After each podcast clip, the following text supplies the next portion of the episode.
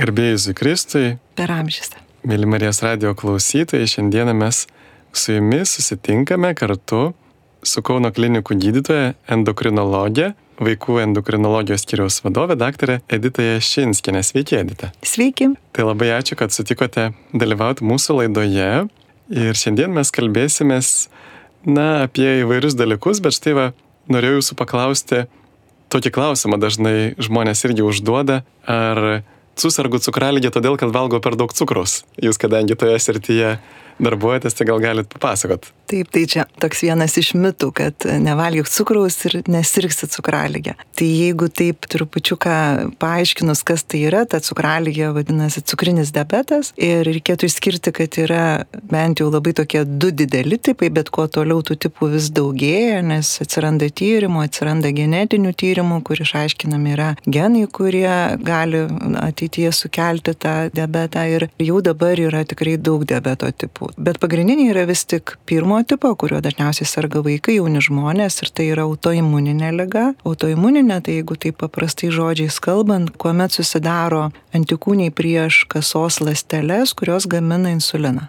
Ir insulinas toliau gaminamas, bet neleidžia tie antikūniai išskirti insuliną kraują. O insulinas yra kaip raktelis, jisai atrakina ląsteles kad į jas patektų gliukozė. Gliukozė yra maisto medžiaga kiekvienos ląstelės, ypatingai smegenų ląstelių. Ir jeigu insulino nėra, tai tiesiog žmogus be insulino negali išgyventi ilgą laiką. Priklauso nuo amžiaus, jeigu jis yra mažas, jis išgyvens trumpiau be insulino ir vis tiek jo būklė labai pradės greitai blogėti. Jeigu jisai vyresnis paauglys, jisai gali ir kelis mėnesius pratemti, kaip mes sakom, be insulino, bet jo būklė vis tiek blogės. Ir aš gal turėdama progą čia kalbėti eterį norėčiau, nes visą laiką kalbu apie tai, kad šitą lygą reikia nustatyti labai anksti. Kuo tu nustatai anksčiau, tuo tu daugiau išsaugai sveikų tų ląstelių, tų mažiau tau reikia po to insulino. Ir yra daug mokslinių tyrimų padaryta, kad kuo anksčiau nustatai, kuo anksčiau pradedi insulino skirimą, tuo vėliau komplikacijų atsiradimas tikrai mažesnis ir pasiekmes visų pažeidimų organizmų yra mažesnės. Tai tokie simptomai, kurie tikrai turėtų užvesti ir reikėtų pagalvoti apie diabetą, tai yra troškulys, kas šią vasarą tiesiog yra nuolatinis dalykas, nes labai karšta. Tuomet dažnas šlapinimasis, naktimis reikia keltis, dažnai jau pastebi tėvai, kad vaikai pradeda keltis naktimis į tualetą. Ir trečias tai yra svorio kritimas. Jeigu yra šitie trys, tai jau nebejotinai reikia eiti pas gydytoją. Tas antro tipo diabetas, jeigu kalbant, kuriuo serga vyresni žmonės, vaikai irgi serga, bet Lietuvoje, kaip ir Europos šiaurinėje dalyje, labiau sergama yra pirmo tipo diabetu, čia daugiau mūsų genetika lemia, o kaip tik va Japonija, Kinija, Amerika serga daugiau antro tipo diabetu. Tai ten yra dėl to, kad yra iš tikrųjų jau netaisyklinga mytyba, greiti angliavandeniai, svorio augimas, hipodinamija, sėdėjimas prie kompiuterių, televizorių ir nuolatinis valgymas, nuolatinis neturėjimas valgymo režimo, bet tai yra ištisai valgoma ir valgoma greituosius angliavandenius, daug cukraus turinčius, perdirbtas, tas vadinamas tokia greitas maistas, kuris labai jaunimo tarpe yra populiarus. Ir jisai skatina viršsvorį, vėliau nutukimą. Turim labai tikrai tokių labai šiuo metu ir nemažai nutukus, ypač tas buvo kalbėta po COVID-19 tą situaciją, tai palėtė ir Lietuvoje irgi taip pat jų padaugėjo. Tai ateityje gali išsivystyti šitiem stambiem tokiam nutukusiem žmonėm diabetas dėl to, kad insulino trūksta. Trūksta tam padidėjusiam svoriui kasa gamina, bet jau neužtenka dėl padidėjusio svorio. Tai tikrai, va, pirmo tipo diabetų niekada nesusirgs dėl to, kad yra cukraus daug valgoma, o dėl antro galima sakyti, kad taip gali susirgti, jeigu bus netaisyklinga mytyba. Aišku, ačiū, tai tikrai įdomu klausytis apie sveikatą iš profesionalo lūpų, bet šiandien susitikome pasikalbėti apie kitus dalykus, apie jūsų būtent tikėjimo kelią. Ir sovietmečių mokslinio ateizmo mokytojai, jie mėgdavo kartuoti tokį lozungą, kad į Dievą tiki tik tai neišsilavinusios visuomenės padugnės, silpno proto žmonės, tuo tarpu protingi ir išsilavinę žmonės į Dievą netiki. Tai kaip jūs, būdama medicinos mokslų daktarė, tikite į Dievą? Tas mano tikėjimo kelionė iš tikrųjų prasidėjo vaikystėje, anksti, nes mano tėvelis, jisai buvo tremtinys, jisai dešimt metų buvo tremtyje ir kai grįžo, sukūrė šeimą jau tokiam vyresnėme amžiuje, bet jis buvo labai tikintis žmogus. Ir jam buvo visiškai nesvarbu, kad buvo draudžiama į bažnyčią eiti, mano mama buvo mokytoja Ir net atsimenu tėčiui sakydavo, ar tu gali netemti tų vaikų į bažnyčią, nes jiem pirmąjį jau reikės eiti pas pavaduotoją kalbėtis. Jis sakė, aš netam tos dešimt metų praleidau tramtyje, kad aš neturėčiau drąsos vesti savo vaikus į bažnyčią. Ir aš atsimenu, jis į mūsų susodindavo, nuvažiuodavom, koks bebūtų oras, nei vienu sekmadienį mes nepraleisdavom be mišių. Tos mišios man buvo labai neįdomios, aš nieko renai nesupratau, bet kažkaip turėjau praleisti laiką, nes dažniausiai sėdėdavom pirmose eilėse tai aš sugalvojau, kad gal reikia pasimti maldaknygę ir skaityti. Ir skaitydavau. Ir labiausiai patikdavo man skaityti litanijas, nes kai jas skaitai, tai kažkaip laikas greitai praeina. Ir nuostabiausia buvo Jėzaus širdies litanija. Tai aš ją skaitydavau, skaitydavau visų šventųjų, nu, žiūrėk, jau ir mišios baigėsi. Tai vad, kai aš jau tapau studentė, nors irgi buvo labai įdomu, mediciną aš pasirinkau iš tikrųjų jau nuo antros klasės aš norėjau būti gydytoja, o nuo penktos klasės aš jau tikrai žinojau, kad aš būsiu vaikų gydytoja. Gal įtakos padarė tai, kad mano teta buvo gydytoja aš kažkaip ją mačiau, kad tai nuostabus tas darbas, čia taip viskas rūpestingai, taip gražiai. Bet man nepavyko pirmais metais įstoti, nors aš buvau irgi medalių baigius mokyklą, bet man pirmais metais nepavyko. Ir prisimenu, kad nuvažiavau, nes aš pati Garliavoje gyvenu, nuvažiavau Aleksoto mažai, tada dar bažnytėlę tą. Ir prie Marijos statulos buvo tuščia bažnyčia ir aš paprašiau Mariją, jeigu man nereikia būti gydytoja, tai tegu aš neįstosiu ir aš tada jau galvosiu apie kažkokį kitą darbą. Bet jeigu tu nori, kad aš būčiau gydytoja, tai padėk man. Ir man reikėjo laikyti tik vieną egzaminą ir aš iš karto stojau tais metais. Ir su vaikų lygom buvo lygiai tas pats tuo metu, kaip mes rinkomės vaikų lygas, buvo labai didelis konkursas. Ir netikėjau, kad pateksiu aš į vaikų lygas, bet buvo taip, kad aš patekau jas. Ir visas tas vat kelionė, ta tokia, jinai. Ir tikrai, kai jau galėjau neiti tą bažnyčią, kai galėjau savarankišką, aš supratau, kad aš nebegaliu neiti, nes esu kviečiama. O dar tas tikėjimo stiprumas, tai kada atsirado tokie iššūkiai, kada jau mes turėjom, sukūrėm šeimą ir tada buvo labai stiprus iššūkis, kada, žodžiu, įsiskyrėme su vyru, tai niekur kitur neturėjau kur prisiglausti, tikrai niekur kitur tik tai bažnyčią eidama kažkokią atrasdavau ramybę, nes buvo labai visokių minčių. Tai ir po to su sveikata, su lygom, su daugybė, daugybė, kaip ir turbūt kiekvieno gyvenime yra tie. Tai tik tai rodė ir vedė, kad kažkaip Dievas vis tiek per visus sunkumus aš jaučiau, kad jis tai taip tvirtai laikė tą mano ranką ir vedė. Tai dabar net neįsivaizduoju, kaip būčiau praėjus be jo. Kaip čia yra, kad dažnai taip tenka girdėti, kad žmonės per tokias kančias per kryžių atranda Dievą, tikėjimą Dievu, bet būtent kiti per kryžių, per kančią kaip tik praranda tikėjimą Dievu. Kaip čia yra, kad vieniems kryžius padeda atrasti Dievo, kitiems padeda įprarasti tą mm. tikėjimą? Gal čia yra tai, kad vieni iš Dievo tikisi, kad jisai padarys stebuklą ir įvykdys taip, kaip mes norim. O Dievas jisai iš tikrųjų turi tą planą. Nuo pat, nuo pat pradžių, nuo tavo pradėjimo, nuo tavo gimimo, kodėl tu tavo šeimoje gimiai, kodėl tau atsitiko tokia ir tokia situacija, kodėl tu turi vieną ar kitą lygą, jisai leidžia tam, tam, kad pirmiausia tave augintų. Ir aš kadangi gal nežinau, gal turėjau tą va, tėvelio pavyzdį, mano iš abiejų pusių seneliai buvo tikintis, nors vienu aš visai nepažinau, bet tuos tėčio tėvelius mes kartu gyvenom ir jie nuolat, močiute, tai visą laiką meldėsi ir meldėsi, tai aš nieko ten nesupratau tą rožinį kalbą. Aš dabar tik suprantu, kad ta tikėjimo šaknis, ta malda, jinai turi begalinę reikšmę žmogus gyvenime. Ir kai tu turi, kad nors vieną žmogų, kuris už tave meldžiasi, jau tau tikrai bus sunkiau nuklysti nuo Dievo kelio. Jau tu esi laikomas tos gy, o jeigu dar keli meldžiasi, o jeigu dar visa šeima, o jeigu dar bendruomenė, tai patikėkit, yra tokių maldų stebuklų, iš tokių neįmanomų dalykų. Yra tikrai, aš kaip klausau vat, jūsų laidas per Marijos radiją ir ypatingai apie maldą, tai tikrai galiu tik patvirtinti ir savo darbu, ir savo gyvenimu, kad melstis reikia nenustoti, net jeigu ir tu nematai tos išeities šiuo metu. Dievas mato toliau, Dievas mato platesnius horizontus, bet to pasitikėjimo prašyti kiekvieną dieną. Dieve, pasididink mano pasitikėjimą, didink mano tikėjimą ir praeisiu su tavim visur. O gal jums teko matyti savo darbe ar savo gyvenime, na, tokių išklausytų maldų stebuklų? Tai iš tikrųjų tikrai galiu paliūdinti, nes liūdėjau esu ir bendruomeniai liūdėjus tokius kelis dalykus ir dabar, vat, ir net šiuo metu vat, vyksta, kadangi mes pradžioje aš buvau Vytautinės bendruomenėje ir mes ten tikrai turėjom ir maldos grupelę ir meldėmės už vaikus motinos maldoje.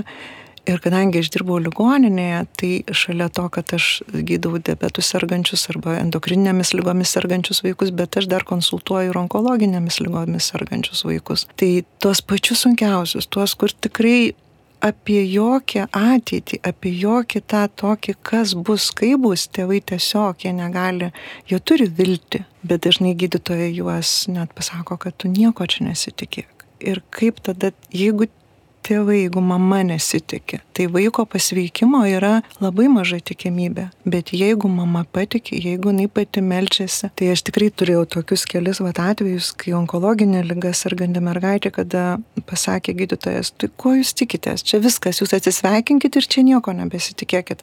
Mama nepriemė šito, mama nesutiko su šitą mintimi. Ta mergaitė gyva iki šiol, jinai aišku turi sunkumų su sveikata, turi, bet jinai gyvena. Ir už tą mergaitę buvo labai daug melstasi, labai daug žmonių. Mes tiesiog turėdavom tą tokią intensyvę maldą kiekvieną dieną. Ir tol, kol pagerėjo, tol kažkoks rezultatas, jeigu vėl pablogėjo, vėl prašo maldos, kuo daugiau žmonių susijungia. Ir vakas dalyvauja, manau, kad tikinti žmonės tikrai dalyvauja to, nes kažkokią žinutę susirašinėjimą. Bet tai nereiškia, kad aš paprašysiu ir Dievas įvykdys taip, kaip aš noriu. Tikrai ne tikrai reikia va tos parašyti to nuolankumo, priimti Dievę tavo valią. Kaip pats Jėzus prašė alyvų kalne, ne savo tėvo, tai jis įgi prašė ne tai, kad apsaugok, jeigu gali, jeigu tai yra pagal tavo valią, tegu ta taurė praeina pro mane, bet jeigu ne, aš priimu. Ir tas taurės prieimimas tai irgi buvo labai toks, vieną kartą man labai pačiai toks liūdimas, kada mama susilaukė neįgalaus vaikelio Ir jinai norėjo atsisakyti to vaiko, nes jinai tikėjosi, jinai turėjo labai labai sunkę patirtį, jos vienas vaikelis buvo miręs ir jinai sulaukusi to kito vaiko tikėjosi, kad bus toks pats sveikas, kaip tą, kurį jinai prarado. Jinai tikėjosi, kad kai bus pakaitalas vaiko. O vaikas gimė visiškai kitoks. Jis gimė apsigimęs. Jis gimė tas, kuris jau tu žinai, jis ilgai negyvens. Labai ilgai teko su ta tikrai mama bendrauti, būti tiesiog neteisiant nieko, jai nekaltinant, nesakant, kad tu negali palikti. Aš tik atsimenu, tada pasakiau, sakau, tu elkis kaip tu nori.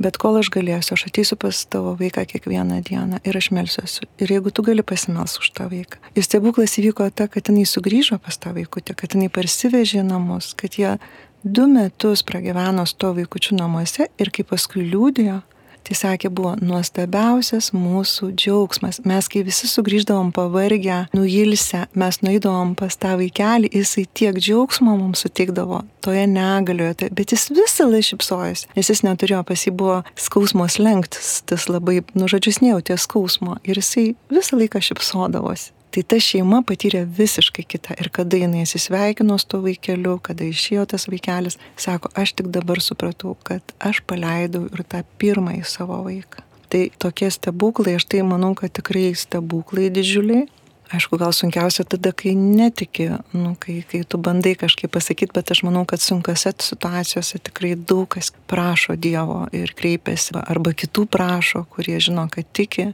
pagalbos. Taip iš tiesų, kaip jūs sakote, kad turime prašyti Dievo ir va, pasitikėti Jo valia, Jo vedimu. Iš tikrųjų, turbūt e, Jėzus ir tas troškimas per Šventą Faustiną perduotas, kad žmonės jo pasitikėtų, kaip jis sako, kad mane labiausiai žaidžia būtent nepasitikėjimo nuodėmės, nepasitikėjimas mano gerumu. Tai brangus Marijos radio klausytojais, girdite laidą Tikėjimo vartai, prie mikrofono aš kunigas Sikitas Jurkštas ir šiandieną mes susitinkame kartu su klinikų gydytoja endokrinologė Edita Jašinskinė ir mes šiandien kalbamės ne tiek apie ligas, kiek apie dvasinę kelionę ir apie tai, kad kartais tos lygos veda mus arčiau Dievo, o kaip Jūs manote, su kokiais iššūkiais jūs irgi susidurėt savo darbovietėje ir kaip žmogus galėtų liudyti tikėjimą darbovietėje?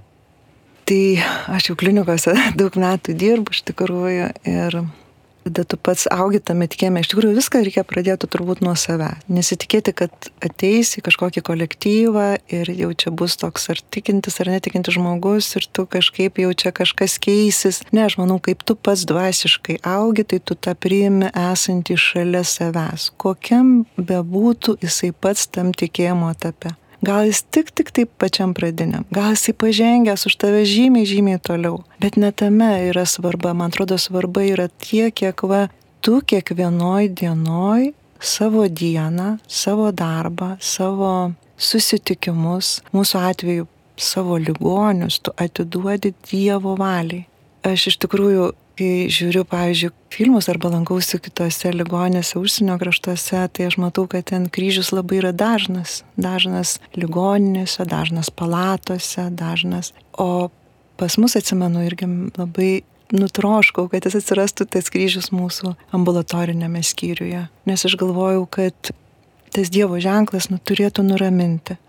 Gavau neigiamą atsakymą, sakė, kad ne visus gali nuraminti, kai kus gali įžeisti, Ir jau buvau nusipirkusi tą kryželį ir galvoju, ne, nu aš vis tiek, kadangi turiu atskirą kabinetą ir aš pasikabinau tą kryželį. Ir aš supratau, kad Dievas man labiausiai reikėjo to kryželio matyti, nes aš dabar kiekvieną dieną matydama, atėjusi darbą, aš iš tikrųjų persižegnoju prie to kryželio, aš atiduodu Dievui viską, visą savo skyrių, visus savo darbuotojus, visus savo ligonius. Sakau, Dieve, tu tu viską gydyk, tu tvarkyk ir jis nepaprastai gerai tą daro. Aš niekada negalėčiau to daryti. Aš esu tarnystėje ir noriu būti tik jo įrankis, daugiau niekas, nes aš negaliu, aš negaliu daugybę atvejų, kada būni pasimetęs ir tu nežinai kaip elgtis, Nes mediko darbė yra, mes galim tikrai sąžiningai pasakyti visi, mes nesam dievai. Jeigu sakom, kad viską žinom, tai mes meluojam. Mes labai aiškiai turėjomėm pasakyti, kad mes nežinom kaip ir visi. Kiekvienas žmogus savo darbę, jeigu jisai atviras, nuolankus, tai jisai labai aiškiai vardina, kad aš tikrai ne viską žinau, negaliu viską žinoti.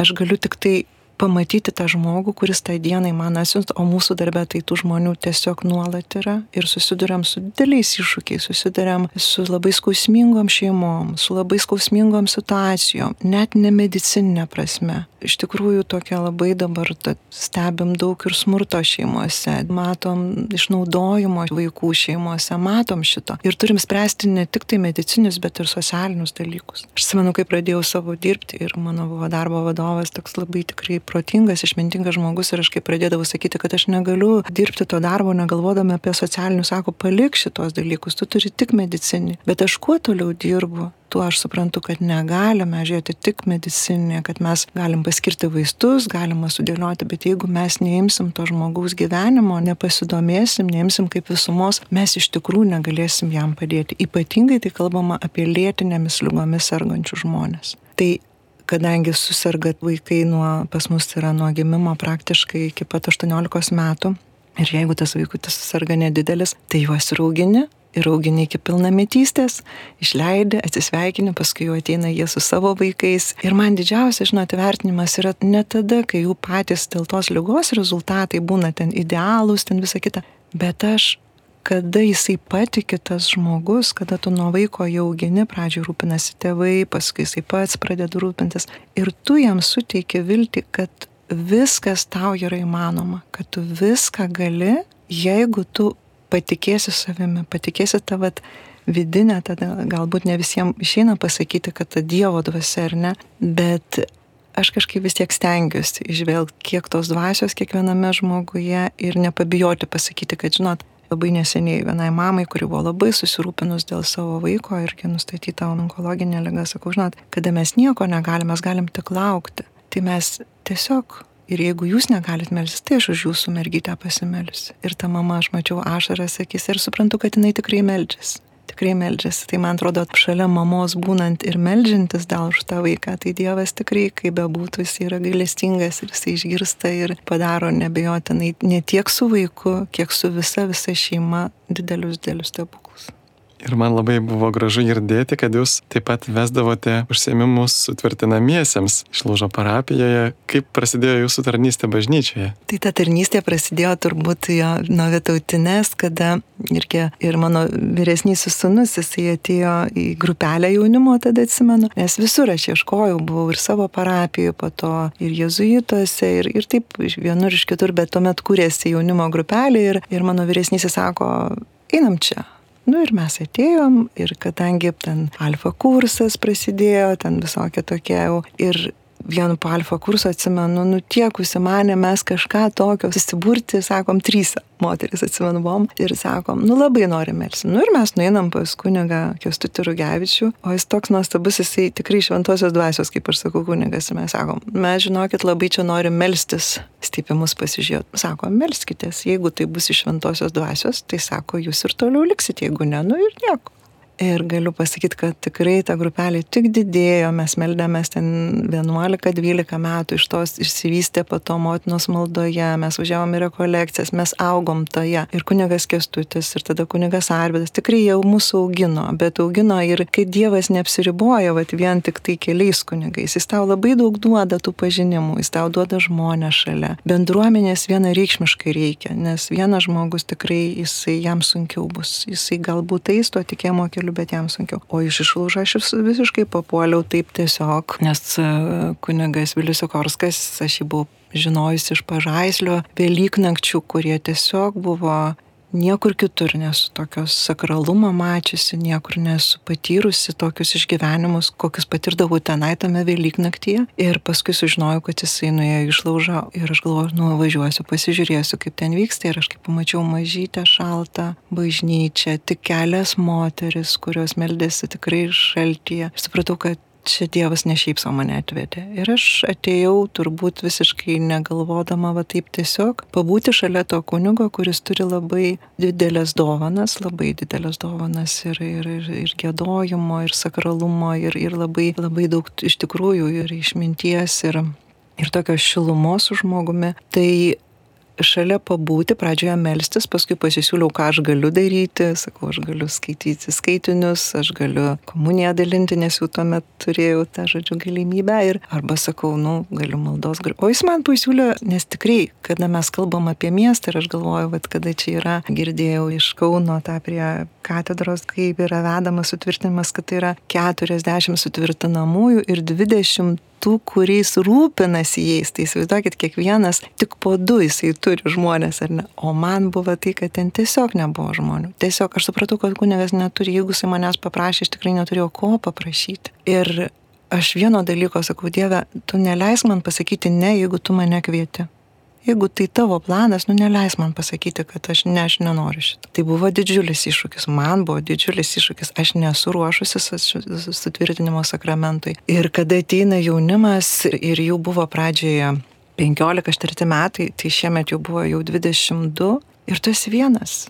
Kunigas yra per dvi parapijas plus sakralinė mokykla, aš iš jo tikėtis pagalbos net ir negaliu, nes jis tiesiog nespėja laikė nors palaikymas tikrai labai didelis ir, ir stiprus, bet iš to, kad aš tokia tada pasijutau visiškai atrodo, nieko aš nemoku, nieko nežinau, bet va tame silpnume ir yra Dievas. Jisai kažkaip sudėliodavo viską. Nu ir jie vienai per kitaip tikrai su Dievo pagalba priemė tą sakramentą ir mačiau, kiek, kad vis tik yra kropelytė tų, kurie lieka bažnyčioje pirmasis mano sutvirtinamasis toksai buvo Linas, kuris iš pirmosios grupės, kuris dabar jisai vargonauja bažnyčioje ir, ir tikrai nuostabus ir, ir, ir, ir iš kitų šeimų dar matau, kad vis ateina, tai man didžiulio, kitų aš nematau, galbūt jie lankosi arba nesilanko, bet jeigu kalbant apie iš jūsų tvirtinamos sakramentą ir jų ruošimą, tai skaudžiausia man vieta yra ta, kad didžiulis buvo iššūkis ir šiemet aš tą pajutau, kad iš tikrųjų tai yra tikrai kaip, nu, tokio vat, pliuso ženklo uždėjimas, kad pasiruošiu sutvarkysiu savo vaiką. Tėvai patys neina į bažnyčią, jie tiesiog neina, o vaiką atveža ir patys išvažiuoja. Ir tu paskambink, kai baigsi. Tai čia yra jo nedidelio miestelio, ta išlaužo bažnytėlė, tai jeigu tėvai nedalyvauja, o verčia vaikus, tai žinot, kokie jie ateina, jie jau nusiteikia ateina. Tu juos prakalbini labai labai sunkiai. Ir, nu bet ką, šiek tiek su Dievo pagalba prakalbini. Ir aš dabar suprantu, kad iš tikrųjų tos pamokos, visas tas ruošimasis man turbūt labiausiai duoda man pačiai tą augimą. Aš taip, taip suprantu. Kaip manot, kodėl žmonės Lietuvoje bijo dažniau ateiti bažnyčią, daugiau melstis, bijo, kad bus pavadinti davatkomis? Kur čia priežastis tos baimės tapti Dievo draugais, o ne tik tolimais pažįstamais? Aš manau, kad labai daug yra nu, ne tiek gal daug, bet iš tikrųjų yra žmonės nusivylę bažnyčią, nusivylę, kai kartais įskaudinti, kartais įskaudinti pačių kunigų, kartais įskaudinti to, kad tu ateini ir tu atlieki kažkokią tai nu, užperki mišes, tada susimoki, tokia ar ne, kaip vyksta kaip kažkokia, vat, aš tau duodu, tu man atlieki kažkokią ar ne dalinimas, bet ir nėra to vidinio, kad aš ateinu dėl savęs į bažnyčią. Aišku, visis tas tarybinis laikas, kada mes buvome mokinti, ar ne, neįti bažnyčią, kad tie, kurie tai vad kaip jūs ir sako, tai yra visiškai tamsuma. Ir, ir aš atsimenu, kad mes tikrai net ir būdavom pajuokiami toje mokykloje, nes tu čia lankai, tu čia toks ar anoks esi. Bet jeigu aš nežinau, kaip aš būčiau, jeigu aš neturėčiau tokio savo tvirto tėčio, ant kurio aš pikau, jau amžiai atils jam, bet aš tuomet pikau, sakiau, kaip gali va šitaip elgti su manim. O aš dabar suprantu, kad tik tai jisai man, ir tai yra didžiausia jo dovana, iš ką aš gavau, tai yra tikėjimo dovana. Tai eiti į tą bažnyčią, kai tu jau jauti, kad tu ten atrandi tą Dievą ne dėl to, kad jis atitiktų tavo kažkokius norus, tavo tai, ką tu norėtum gauti iš jo, ne. Aš einu dėl Dievo meilės į bažnyčią. Tai tam, kad ateitum dėl Dievo meilės, tu turi pradžio pajusti, kad toje bažnyčioje tu esi laukiamas tavęs ten laukia ne tai, kad tu čia atėjai ir tavęs niekas, kada tu lankaisi, išdrįsti vieną kartą, antrą kartą, tu jau matai tas pačias akis. Jeigu kunigas tave galbūt prakalbina, per išpažintys tave kažkaip užkabina, kaip sakau, nu, nepasmerkia, gal palieka tokią visada viltį žmogui. Nes čia, man atrodo, labai labai, kaip sako, dabar kalbam apie tai, kad kunigų mažai, kad mažėja šitas pašaukimas. Bet aš galvoju, kad gal geriau mažiau, bet tokių tikrų kunigų, kurie tą žmogų savo darbais, savo gyvenimu, savo, jie pritrauks va šituo, o ne. Ir tada jie pamatys, kad į ką, kodėl mano tas kunigas toksai, kodėl jis toks dvasingas, kodėl. Dėl to, kad jis tą Dievą nešiojasi širdyje. Šitas tai va tas asmeninis santykis kunigo su Dievu, su šventąją dvasia, kaip jis eina, mane bent labiausiai patraukė. Aš visada ieškojau tokių kunigų, aišku, gal mano tas tikėjimas tikrai nėra toks brandus, kaip sako, jeigu tu tiki, tai tu turi eiti bet kokią bažnyčią, tu turi ten, nes tu susitinki su Dievu. Man reikia tų žmonių, man reikia tos aplinkos. Aš dabar jau galiu, kadangi jau tikrai tame tikėjimo kelyje šiek tiek paėjusi, aš jau galiu pasakyti, kad galiu nueiti ir tą bažnyčią, kur šiaip nebūčiau norėjus eiti, nes aš jau ta malda mano kažkokia gal jau brandesnė, bet pradžioje tai absoliučiai ne. Ir tas jaunimas, ypatingai ir sutvirtinimo sakramente, jeigu tu jo neprakalbinsi, jeigu tu jam nepasiūlysi kažko to, ko jisai galbūt negauna namuose, galbūt to išklausimo, galbūt kažkokio pokalbio ir va to laiko tam žmogui iš tikrųjų, kaip ir visur, man atrodo, labai trūksta. Tai kas dabar darosi, tikrai matosi tame išlaužo bažnyčioje, ar ne? Čia daug visokių kontroversijų, kad galbūt nereikia transliuoti, gal reikia turėti gyvai. Bet aš labai galiu aiškiai paliūdyti, kiek mano pažįstamų, kurie iš viso neėjo į bažnyčią, jie dabar žiūri išlaužo mišes. Ir sako, mes buvom su tavim, va ten išlaužo mišiuose, mes sekmadienį buvom. Ir aš tada sakau, o jeigu dar trupučiu ką norit stipriau viską pajusti, jūs atvažiuokit, jūs gyvai. Ir tikrai, kas atvažiuoja, jie dar stipriau. Bažnyčia yra pilna. Tai va tas kunioga kelias, man atrodo, yra labai teisingas, kad jisai sušildo galbūt kartais tais tom gėlėm, kurių ten labai labai daug. Gėdojimu, kuris yra labai gražus. Žmogaus širdį turi paliesti. Jis turi jaustis pilnatvę tokia dvasinė pilnatvė. Ir tada tam Dievui tikrai lengviau už tokią širdį, tokią atvirą, ne ta, kuri ateina pasipiktinęs, kad galbūt paprašė užmišęs per mažai, aš čia gal daviau, arba kažkoks piktas žodis buvo pasakytas, arba nuolat kartojama. Nu, aš galiu asmeniškai pasakyti, aš iš savo parapijos išėjau dėl to, kad kiekvieną kartą buvo sakoma, kad per mažai yra aukojama mūsų parapijoje. Aš negalėjau iš to klausyti, nu kaip galima per mažai ir per daug aukoti, kai aš mačiau savo tėvelį, kuris visą savo rožės, kiek jau augino gražiausias, jisai veždavo bažnyčią, sodindavo aplinkui tas krūmus ten rožių, savo tuos pinigus, kiek galėjo atidavė ir aš galvoju, kiek jis galėjo, jis davė, tiek, kiek galėjo. O dar pasakyti, kad dar per mažai aukoja, nebūtinai konkrečiai čia, bet žmonės, žmonės tas piktina, nes visur, žinot, tas yra toksai pasaulietiškas požiūris ir labai nesinori to išgirsti bažnyčioje. Taip, ir tikėjimas į Dievą, aišku, yra ir dovana. Ir kaip jūs ir paminėjote, mes galime išpurenti dirbą, kad tą dovaną žmogui būtų lengviau priimti. Ir kartu turbūt ta tikėjimo dovana jinai apšviečia mūsų protą ir padeda suprasti, kad tikėjimas neprieštarauja protui tam protingam šio pasaulio pažinimui, kad kaip tik va tas pasaulis, gamta, mūsų kūno sudėtingumas ir, ir tie įvykę stebuklai, kurias mokslas galbūt turėjo progą kažkiek patirinėti, jie liūdė apie kurėją. O kokie konkrečiai va tokie protingi argumentai jums padeda irgi tikėti protingai? Tai aš galiu pasakyti, kad vedant sutvirtinimo sakramentą būna labai sunku įtikinti to va Dievo buvimu, egzistavimu, ar ne?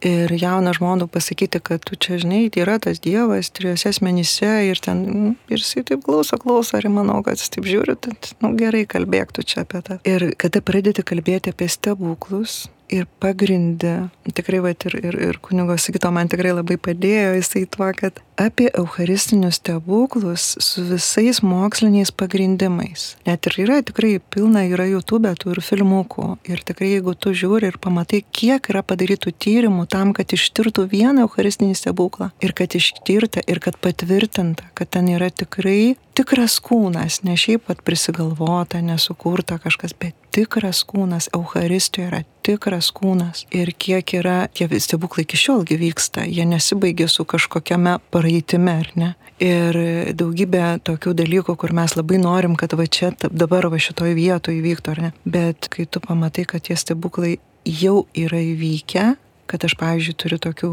irgi pažįstamų, kurie irgi galbūt daugiausiai čia yra su tom onkologiniam lygom, nes kaip matote, onkologinių lygų dabar iš viso labai labai daugėja ir turbūt kiekvienas turim žmogų, kuris serga, nu, pažįstamą žmogų, kuris serga kokią onkologinę lygą. Ir kai yra su tikėjimu ir medicina, ir kai yra tik medicina ir tas proto, aš viską galiu, aš viską žinau, taip įvyks. Labai dvi situacijas mačiau. Viena buvo grinai iš proto, abi dvi gydytojos, abidvi tos pačios onkologinės lygos labai panašiai viskas ėjo ir viena jau yra amžinatilsi, nes jo tik su protu ėjo tik pasitikėdama medicina, o kita ėjo ir su medicina, bet labai daug pasitikėjimo, labai to atsidavimo Dieve, kiek tu man duosi tų metų. Tai ten nebuvo galima įsivaizduoti, kad jinai dar gyva ir dar gali gyventi iki šiol ir gyvena pilnavertį gyvenimą, ne tokį, kad aš ten. Tai tas protas, jisai man atrodo, va dieviška galia tą protą ir atskleidžia dar labiau.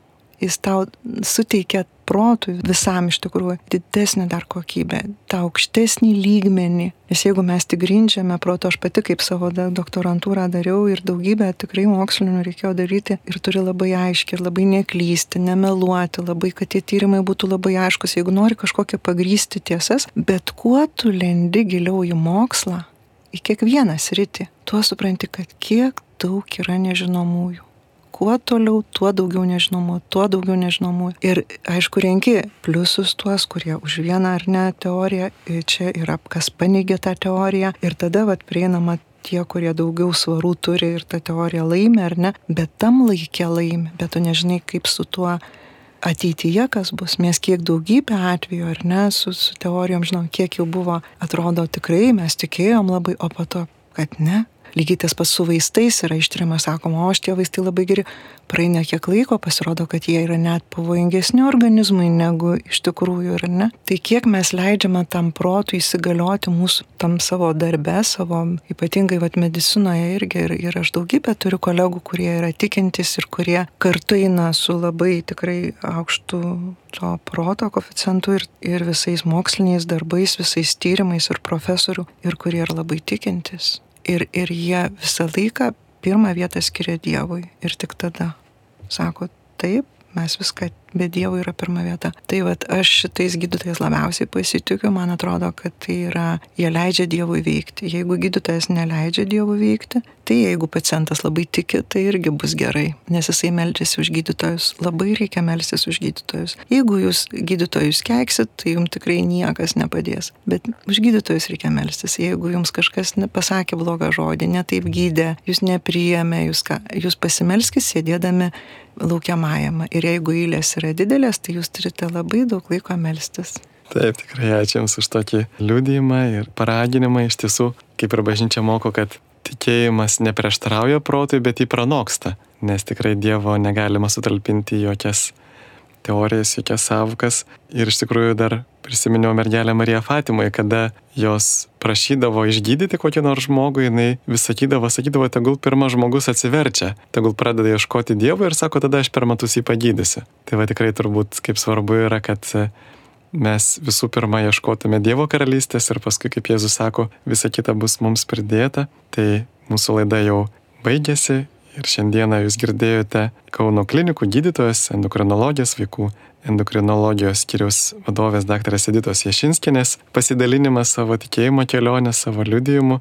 Aš kunigas Sigitas Jurkštas. Iki kitų susitikimų. Dievas jūs te laimina ir te saugo, te padeda būti sveikiems. Sudė. Sudė.